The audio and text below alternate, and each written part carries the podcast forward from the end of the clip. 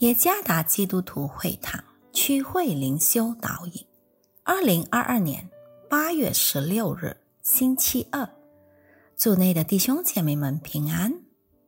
今天的灵修导引，我们将会借着圣经箴言第三十章第七到第九节来思想今天的主题：生活所需的费用。作者古沙拉传道。箴言三十章第七节：我求你两件事，在我未死之先，不要不赐给我。求你使虚假和谎言远离我，使我也不贫穷，也不富足。赐给我虚用的饮食，恐怕我饱足不认你。说耶和华是谁呢？又恐怕我贫穷就偷窃，以之亵渎我神的名。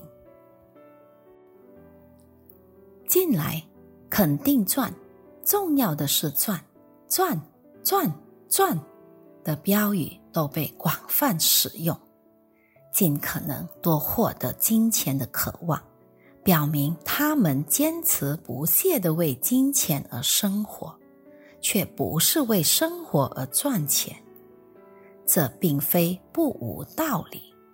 这是因为新冠疫情对经济困难造成了影响，使得很多人都想快速轻松的赚到钱，结果许多人轻易被欺诈性的投资所蒙骗，不但没获利，反而蚀本。今天的灵修经文里，揭示了上帝以物质和金钱的形式，给予祝福来满足生活的需要。然而，错误的金钱观经常使人把上帝的祝福当作他们认识上帝的障碍，因为导致人们远离上帝的不总是贫穷。拥有不敬畏上帝的财富，也会使基督徒忘记财富的基于者。故此，箴言的作者明智的祈求上帝，无论富足或是贫穷，无论是富裕或是匮乏，他仍然可以活在公义中，自给自足，并享受。你所拥有的每一个祝福，以讨上帝喜悦的方式来生活。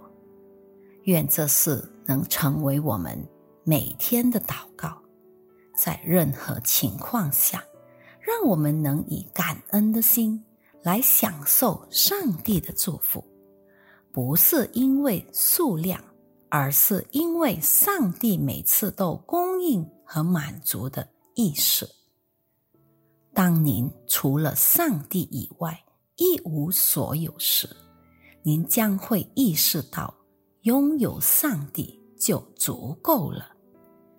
愿上帝赐福于大家。